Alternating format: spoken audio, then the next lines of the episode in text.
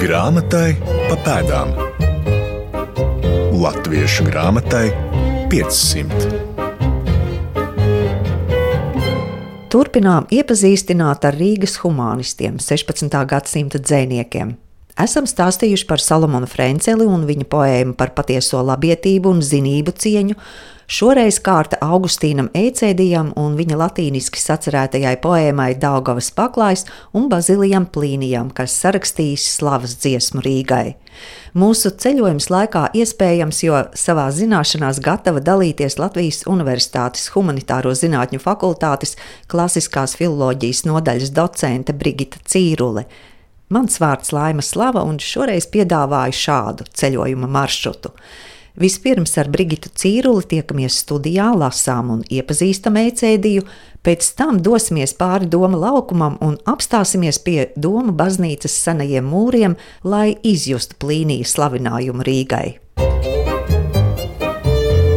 Grāmatai pa pēdām. Brigita Cīrule līdzi paņēmusi grāmatu ar seniem zīmogiem uz vāka. Augustīns Eicēdijs, Daugavas paklājs. Tas ir viņas un studentu veikums, jo poēma tulkot latviešu valodā, un 2014. gadā to izdeva Latvijas Universitātes akadēmiskais apgāds gaumīgā iesējumā ar faksimilu, komentāriem, attēliem un Brigitas Cīrules priekšvārdu. Protams, gribas uzzināt vairāk par Augustīnu Eicēdiju un par slavas dziesmu ar tik poētisku nosaukumu Daugavas paklājs, bet vispirms ievads sarunai. 16. gadsimta Livonijas dzinieki, humanisti. Kāda ir jūsu interese par šo literatūras posmu? Jā, humanisti. Mēs Latvijas Universitātē arī daudzo darbu dēļ šim posmam nebijām tā eh, daudz pieskārušās, bet uh, tad eh, patiešām redzot, kā pasaulē interesējas par šo laikposmu, arī mēs domājam, ka nedrīkstam izkrist no aprites. Tālāk ķērāmies arī klāt eh, šim posmam un skatījāmies, kas tad mums gal galā bibliotēkās atrodas no šī mantojuma. Un patiešām atklājās, ka ļoti, ļoti daudz ļoti daudz, neskatoties to, ka tas humanismu periods, nu, tolaik Livonijā pārāk ilgs viņš nebija. Un, protams, ka tik ļoti arī daudz to darbu nav kā varbūt kādos lielākos Eiropas centros, bet tomēr ir un ir ko darīt, un tāpēc mēs esam ķērušies tagad klāt. Un, jo tur ir vērtības, un tās ir lielas vērtības. Tur ir skaistas idejas tajos darbos, un par ko šodien varbūt arī mazliet pastāstīšu, runājot par eicēdiju. Atklājam tekstus!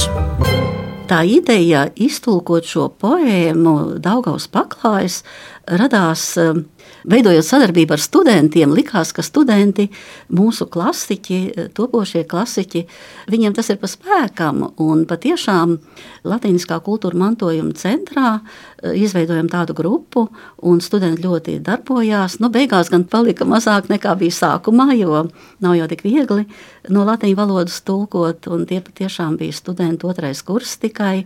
Nu, tā mēs izdomājam, ka, ka tādam izdevumam ir jābūt. Un e, iztulkojām, un pat atzījām, un, un sanāca, man liekas, tīri labi. Varbūt varam arī iepazīstināt klausītājus um, ar šo personību, kas bija Augustīns Eicēdijs. Augustīns Eicēdijs, eh, cik daudz par viņu ir zināms. Par viņu jau nav izdevies atrast kaut kādu tādu plašāku informāciju, bet eh, viņš bija Rīgas humanists, viens no pirmajiem. Un eh, šī poēma Daugaus paklājas, tad ir arī viena no tādām nu, Rīgas humanistu tādām labākām poēmām. Nu, protams, pēc tam nāk Bazilijas plīnijas arī un vēl citi, bet uh, Tieši par eh, dzīvi gan neko daudz nevar pateikt, jo nav saglabājusies informācija. Bet nu, skaidrs ir tas, ka, ja tas pirmizdevums ir 1564. gadā, eh, latviešu valodā izdotais, nu, viņš starp citu ir mūsu bibliotekās arī pieejams, eh, tad 16. gadsimta pirmā pusīte tas ir laiks, kad viņš ir darbojies. Jā. Un interesanti, ka tas izdevums piedzīvoja arī otro izdevumu Šis pirmais tika izdots Vitsenburgā, Vācijā, bet tas otrais izdevums eh, Latvijas teritorijā, Rūjienā. Jā, tas ir interesanti, jo nu, te gan jāpateicas vācu izcelsmes luterāņu mācītājam Gustavam Bergmanim, jo viņam ir piederējusi tāda kā neliela tipogrāfija Rūjienā. Ja tagad nemaldos, tur ap 160 izdevuma kopumā ir, un starp tiem arī Augustīns Eicēdijs. Otrais izdevums klajā laists 1794. gadā Gustavam Bergmanim Rūjienā piedarošajā privāta tipogrāfijā rokas spiestuvē, un šī spiestuve bijusi novietota pasturāta dārzā īpaši celtā koka erbērģī ar salmu jumtu. Kādas ir tās idejas? Gan šajā poēmā, gan ir varbūt zināms, ko vēl Ecēdijs ir rakstījis. Viņam ir vēl viena poēma, es gan neesmu apzinājusi to, bet tā ir kaut kas līdzīgs šai. Acīm redzot, viņš ir varbūt studējis arī teoloģiju. Nu, grūti pateikt, mums nav ziņu, jo šajā poēmā viņš runā par Rīgas biskupiem un Eh, arhibīskapiem, tātad no pašiem pirmsākumiem, kā šeit ienāk kristietība un šie bīskapi, visi pēc kārtas, un par viņiem viņš arī runā. Ko katrs ir darījis, bet nu, jāsaprot, ka tas ir slavinājums, un ka ši, visi šie bīskapi tiek slavināti par eh, tiem darbiem, ko viņi veikuši iedzīvotāju labā, un par krietnajiem tikumiem, kādi bijuši šiem visiem garīgajiem līderiem. Nu, tāda tā poēma ir. Brigita Cīrule atgādina par intelektuālo vidi, kas sekmēja dzinieku humanistu rašanos. Tas ir gan 16. gadsimta 20. gados Mārtiņa Lutera reformācijas vilnis, kas sasniedz Livoniju, liela nozīme grāmatu izplatībai, gan Rīgas pirmās bibliotēkas dibināšana, bibliotēka Rigensis. Tomēr vislielākā loma intelektuālās elites izveidē bijusi Rīgas domskolai laikam jau vislielākā loma, nu varbūt ne vislielākā, bet katrā ziņā visai liela loma šādas intelektuālās elites izveidē ir arī Rīgas domskolai kura šajā gadsimtā piedzīvo arī pārmaiņas lielas un gadsimta beigās arī eh, reformas.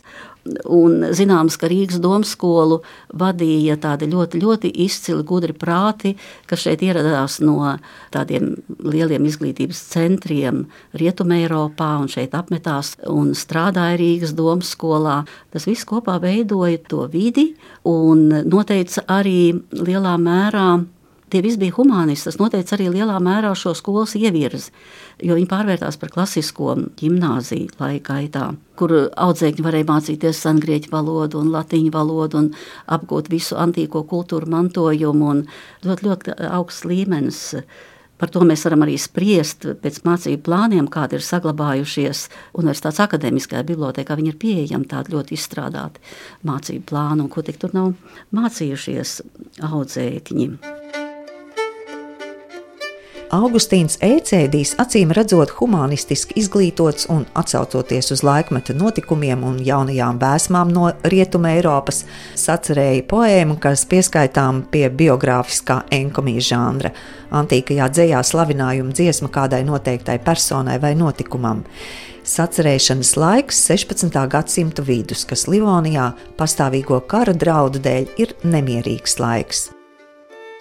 Bet ko tad gal galā slavēja tuvāk pie Augustīna Eicēdī, ko viņš slavē un kādā ziņā varbūt eh, šī poēma ir interesanta mūsdienu lasītājam? Nu, pirmkārt, jau laikam ir mm, jāmin šī darba kā vēsturisks atcerējuma vērtība. Nu, Eicēdīs eh, slavē tātad, kā jau minēju, no pašiem pirmsākumiem vēsturisks personas.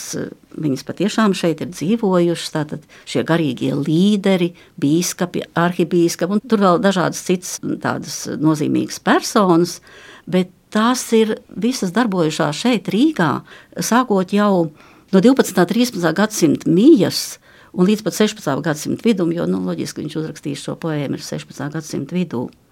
Nu, tad, nu, lūk, šis autors tā secīgi vien pēc otra piemin šīs, šīs personas un slavē. Tur ir tādi pazīstamākie vārdi, pirmie biskupi Meinards, un tad ir Bertolds un Alberts, kas varbūt valdīja mm, tādu ilgāku, un daudz, daudz citi. Un viņam katram savā periodā ir bijusi kāda nu, nozīmīga loma. Nu, Pirmkārt, jau laikam kristietības izplatīšanā eh, šeit, eh, šajā reģionā. Bet, nu, protams, ka katrs, jo tas ir laika posms, tāda katrs eh, tiek cildināts uz konkrētu vēsturisko notikumu fona. Tā poēmā mēs viņus redzam kā tādus, tādus kā Livonijas glābējus. Te varbūt ir vērts pieminēt, ka Ecēdijs savā ievadā pats pamato šīs poēmas, nu, tādu nozīmi, vērtību varbūt. To es varbūt nocitēšu. Tātad, lai ļaudīm nepazust atmiņas par aizgājušiem laikiem, un lai viņiem būtu zināms, kā pašos sākumos iekārtot šī kristīgās pasaules robeža, kādi vīri valdījuši šai zemē, Daugaus krastos, un kādas pārmaiņas tā piedzīvojas. Izpētes augsne Latviešu grāmatai 500. Augustīna Ecēdija poēmu Daugavas paklājas iepazīstam kopā ar Latvijas Universitātes klasiskās filoloģijas nodaļas docenti Brigitu Cīruli. Šī poēma ir vērtīga ar idejām un tiem ideāliem, ko tā manifestē. Un lūk, Augustīna Ecēdija poēma, nu viņa tā skaidri manifestē ideju par paša dzēnieka un viņa poēmā, nu tā kā cildināto personu, šo garīgo līderu, piederība vienai kultūrai, proti, izglītības, izglītošanās, izglītotības kultūrai, kas ir sakņota senatnē, klasiskajā senatnē. Un kas 15. un 16. gadsimtā faktiski pārņēma visu rietumu Eiropu. Man liekas, ka tas ir ļoti svarīgi. Te gribas pieminēt tādu seno grieķu vārdiņu paidēja, un tā paidēja ir Nu jā, tas vārdiņš ietver šo izglītību, izglītošanos, izglītotību, audzināšanu gal galā. Un pēdējā pamatā faktiski tur ir ideāls, kas ir jāatdarina, pēc kura jātiec. Un kas ir šis ideāls? Šis ideāls ir izglītots indivīds, kas iemieso sevī intelektuālo, morālētisko un estētisko kvalitāšu kopumu. Skaisti. Uz to ir jātiec. Man liekas, diezgan aktuāli arī mūsdienās tas ir. Vismaz tā gribētos domāt. Jā, no šī poēma tātad pieder renesanses literatūras tradīcijai, kas par to liecina. Nu, Pirmkārt, jau eh, tur ir ļoti, ļoti plašs eh, grieķu mitoloģiskā materiāla izmantojums.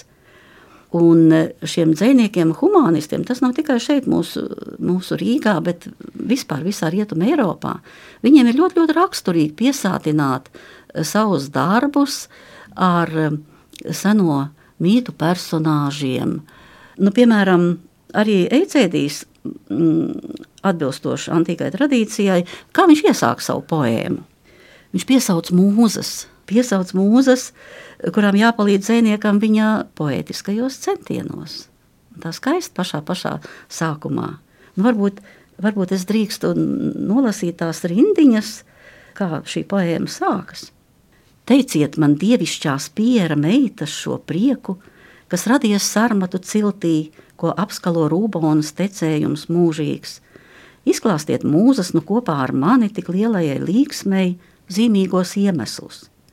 Labvēlīgs arī tu slaveno ķēniņu august, šai veicamā darbā un pūlēs mums palīgā steidzies, kamēr tev laimīgu dzīvi un vēlīgus likteņus lūdzam. Jaunajai varai jau teicam, un slavējam cildeno godu. Lūk, mūzas.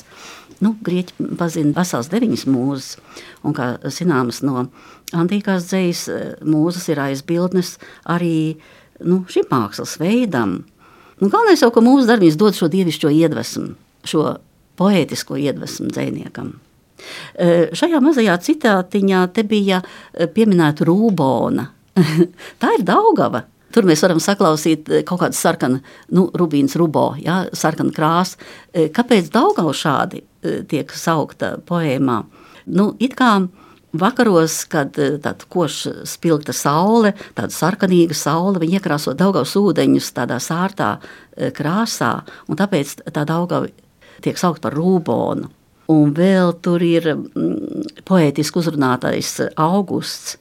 Tas ir Meklenburgas ķēniņš, nu, tāds princis, eh, kuram faktiski šī poēma ir veltīta. Un, Interesanti, ka viņš, sākumā mēs to nezinājām, kad tulkojām šo poēmu, bet izrādās, ka viņš tajā laikā, kad jau šī poēma nu, iznāca, viņš vēl tikai zēns bija. Bet lūk, viņam tas dzinieks izdomājis tā, ka viņam lūk šī poēma, un ka viņam jākļūst par jaunu, jo viņš cēlies no ievērojamas dzimtas, no cilts, un viņam jākļūst par jauno līderi šeit Livonijā. Jā, un viņam tiek austas audums, tas paklājas, kurā tad nu, iausti visi šie garīgie līderi. Tāda skaista ideja šai poēmai.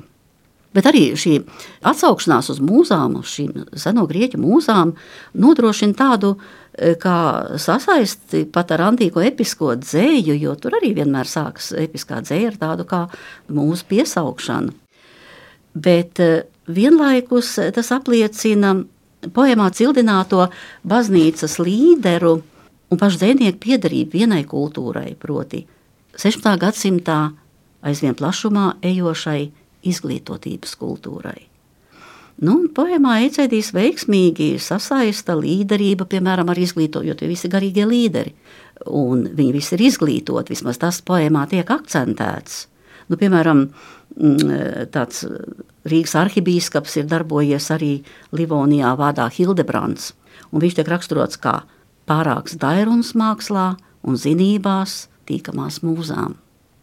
Un eh, par pašu šīs poemas kompozīciju arī gribas pateikt dažus vārdus, jo šeit ir ļoti liela nozīme eh, atkal mitoloģiskiem tēliem, tādām nimfiņām, ūdeņu nimfiņām, eh, kuras sauc par najādām. Un lūk, dzēnieks viņām uztic aust šo daugaus paklāju, un tā viņas secīgi iauž pēc kārtas katru šo garīgo līderu šai paklājā. Jo viņas ir acu liecinieces it kā notikumiem, kas risinājušies Daugaus krastos. Nu, varbūt vēl vienu citātu, kā mēs to redzam, kā viņi sāk savu darbu, uzsprauž tās sniegbaltos stērpus un kailajām rokām šķetina ārā no klūdziņa groziem jau dzīparus smalkos, audumā vieno ar atspolu klejojot veikli pa metiem, attēlot tēvus ar priesteru saitni no sākotnes senās. No nu, tālāk viņas darbojas. Jā, un tas heksametrs arī saglabāts, šis senais episkais pantmērs heksametrs. Jā, mums bija ļoti labi tie divi studenti, kuri atzīvoja šo darbu. Tur jāsaglabā pantmērs, ir, un Jā. latviešu valodā dažkārt tas ir pagrūti, bet uh, mums bija ļoti tāds, nu, tāds aktīvs un visās šajās lietās ļoti ieinteresēts students Roberts Šestaks un arī Diana Fogele. Tā uz pusēm sadalīto darbiņu atzīvoja. Mm, Jautājot par latīņu valodu, kā skan vispār šīs poēmas nosaukums latīņu? Aulājum dunaidum. Aulājum dunaidum. Es viņu atveidoju kā Daugaus paklājs, bet ir arī citi varianti, kā var atveidot, kā Daugavas uh, nimfu paklājs. Nu, dažādi var, bet man liekas, ka Daugavas paklājs tas tā, tā ļoti vispārināti un tā. Mēs arī piedalāmies klasiķu, universitātes klasiķu, piedalāmies tajā projektā. Tas ir Vācu iniciēts projekts, eh, Marburgas Universitātes iniciēts projekts. Viņi gatavo antoloģiju, un tad no Baltijas reģiona valstīm tātad, nu, tiek piedāvāti dzīslu darbu fragmenti, kurus jāpārceļ atkal angļu valodā, jo tur būs angļu valodā. Un to mēs arī šobrīd darām, un cerams, ka tā antoloģija arī tā labi izdosies, un tur tiks iekļaut arī pilns darbs nevar, bet fragmenti noteikti tur būs. Arī no Augustīna ECD. Jā, tas jau ir gatavs, jau angliski sagatavots, jau ir, jā. Jā, nu, daudz jau ir labi dzēnieki, tāds Rutgers Pistorijs, ja Bekers, viņš ir sacerējis tādu epicēdiju, tas ir veltījuma dzējolis mm, par godu mūžībā aizgājušam Rīgas domskolas pirmajam rektoram Jākobam Batam. Tas arī ļoti, ļoti interesants un nav nemaz pētīts un nav tulkots. Un tātad, nu, jā, nu nav pieejams šobrīd lasītājam, kurš nezina latīņu valodu. Nu, jā, mācās latviešu valodu. Mācās latviešu valodu jā. Ar Brigitas Cīrulis un viņas studentu palīdzību varam lasīt Rīgas humanista Augustīna Ecēdija poēmu Daugavas paklājs latviešu valodā. Grāmatai pa pēdām.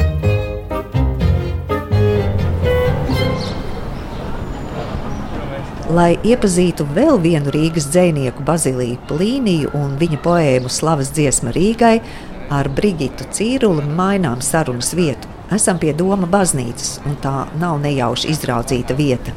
1595. gadā sacerētajā poēmā dzēnieks centies attēlot arī svarīgākos vēstures notikumus un sava laika reālijas, arī ēku arhitektoniku un iekārtojumu, bet sāku ar jautājumu. Protams, es jautāju, kādēļ mēs atrodamies šeit, ļoti tuvu Doma katedrālē. Vai šī ir tā vieta, kas ir uh, Bazīlija plīnijā? Poēmā. Jā, šī ir tā vieta, viena no vietām, jo viņš runā par vairākām tādām baznīcām un tādām vietām, kur kaut kas Rīgā svarīgs ir noticis. Jā, šī ir viena tā vieta. Un, un Doma baznīca jau ļoti, ļoti nozīmīga bija 16. gadsimtā, arī 17. gadsimtā. Gal galā Rīgas domas skola šeit. Un, un tāpat ja es pareizi saprotu no tās poēmas, tad arī varas e, pārstāvji šeit kaut ko ir darījuši. Rīgas vadība, un viņš slavina to Rīgas vadību un Rīgas amatpersonas arī savā poēmā. Cik daudz mēs zinām par Bazīliju plīniju? Nu, īstenībā par Bazīliju plīniju mēs pārāk daudz nezinām. Nu, šī poēma ir tapusi e, nu, jau vairāk kā 400 gadu atpakaļ. Pirmizdevums ir 1595. gadā Leipzigā. Nu, tik daudz arī no poēmas var saprast, ka viņš ir Rīgas domu skolā izglītojies. Un kā ir tapusi šī poēma? Tad interesanti, kāda tā motivācija uzrakstīt šādu poēmu. Viņš ir izglītojies Rīgas domu skolā, un tad viņam nu, pavērosies iespēja studēt Vācijā, augstāko izglītību iegūt un eh, ar Rīgas rāta stipendiju. Tātad eh, faktiski eh, ar Rīgas finansējumu viņam ir iespēja studēt Vācijā, jo mums šeit jau augstākās izglītības iestāžu tajā laikā nebija. Nu, tādējādi šī plīnija pateicība Rīgas varai noformējās kā slavas dziesma Rīgas pilsētai, Rīgas iedzīvotājiem. Bet par pašu plīniju vairāk tādu īpašu tādu dzīves faktu nav. Varētu domāt, ka viņš ir rīznieks. E, jā, jā, jā, jādomā, ka rīznieks nu, jā, Rīgas domu skolā mācījies un iegūst labu izglītību. Nu, uz Vāciju gan viņš ir devies studēt nevis literatūru, kā gribētos domāt, ja jau šāda poēma latīņu valodā 16. gadsimtā, bet viņš ir devies studēt medicīnu. Un tad, kā pateicība Rīgai, uzrakstījis sacerējis šo poēmu. Bet nu, e, otro tādu izdevumu e, šī poēma piedzīvo salīdzinoši nesen, proti 1997. gadā, e, kad ar Kultūra kapitāla fonda finansējumu tātad, nu, lūk, šī poēma tiek izdota. Un vienā tādā pabiezā grāmatā, un tur ir piecās valodās. Tātad, oriģināla valodā latīņu tā ir, un tad ir Mm, protams, latviešu valodā, ir angļu valodā, ir vācu valodā un ir krievu valodā. Leons Briedis. Leons Briedis latviešu valodā, jā. Tad eh, vācu valodā ir tāds uh, Matijas Knols, un angļu valodā ir Pēters Cedriņš, un uh, krievu valodā tad Ludmila Azārova jā, ir atzējojusi. Tā ir interesanti dažādās valodās, interesanti arī salīdzināt ar oriģinālu valodu un tā. Izpētes augsta. Par šo poēmu. Tā, tad, tā ir pateicības, slavas dziesma, var teikt, apdziedot dažādas Rīgas vietas. Jā, apdziedot dažādas Rīgas vietas, un faktiski šādas poēmas eh, jau no, teikt, no antīkās pasaules noriet laika, tas ir Romā, tas mūsu ēras eh, sākuma gadsimti. Tur jau eh, kaut kādi tādi noteikumi, kā šādas dziesmas, vispār kā slavinājumus veidot, ir nostabilizējušies. Un, lūk, attiecībā uz um, pilsētas slavinājumiem, tā tad ir jau tā kā fiksēts, kā būtu slavināma pilsēta.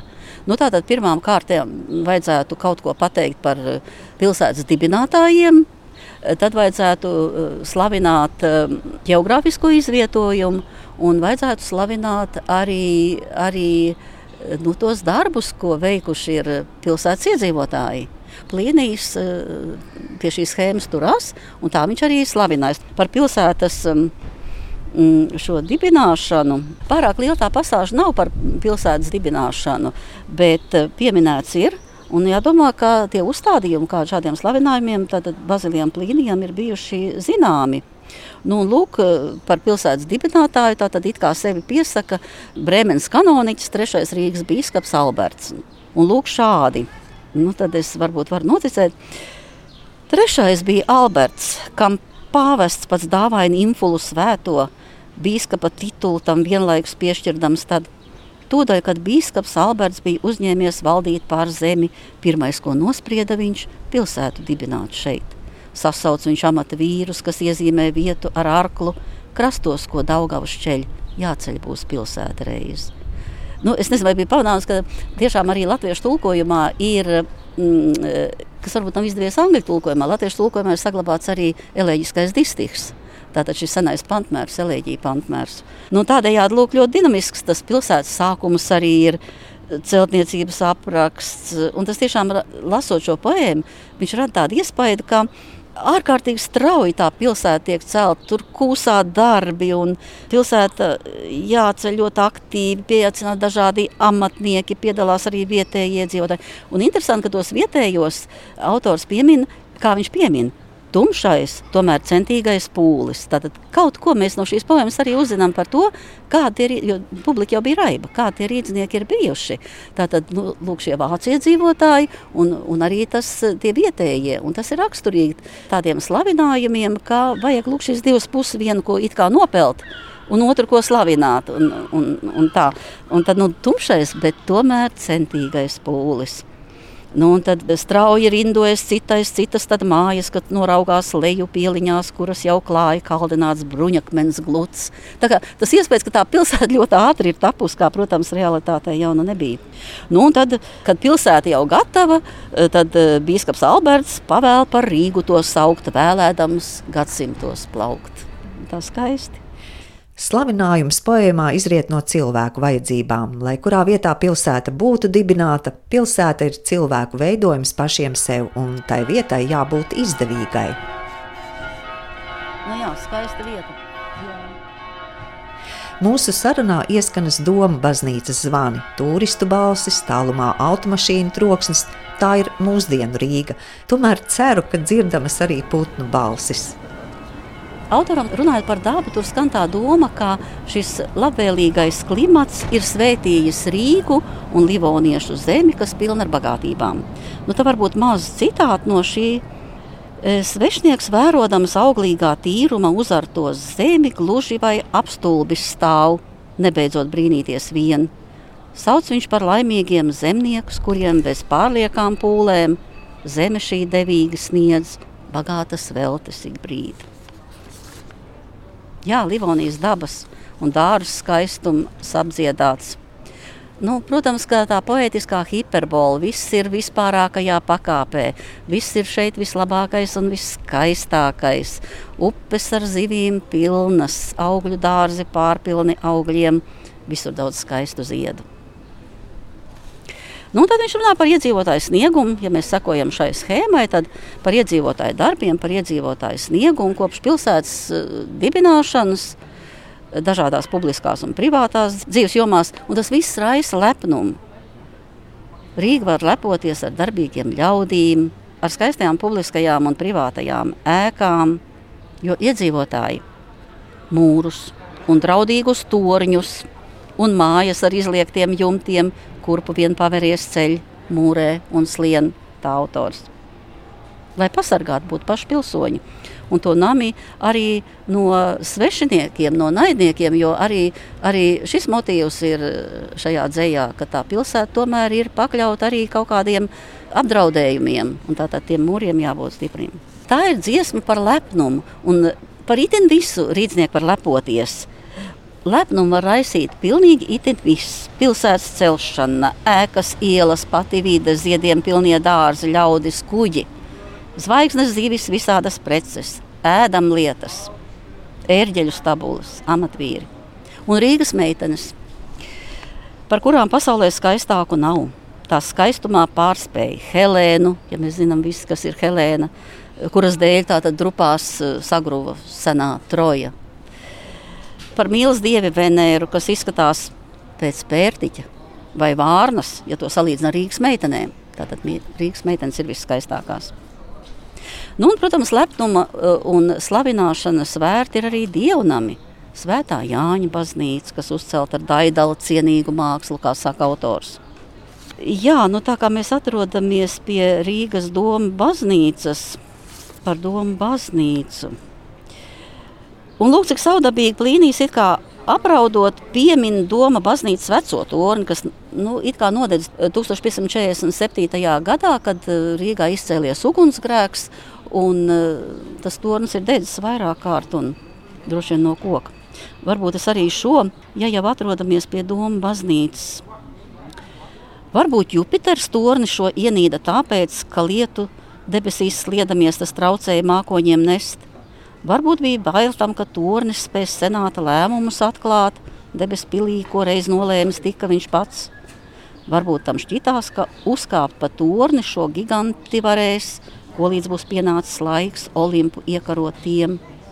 Tāpēc viņš vulkānam lika to nojaukt un ugunī postīt. Tādi lūk, gribēdams tikt vaļā no nojausmām šīm. Nu, tā kā ugunsgrēka vainīgs tas spicais tornis, kas iesniedz debesīs. Un eh, Jupiters sadusmojies, un lūk, viņš ar uguni noposta torni.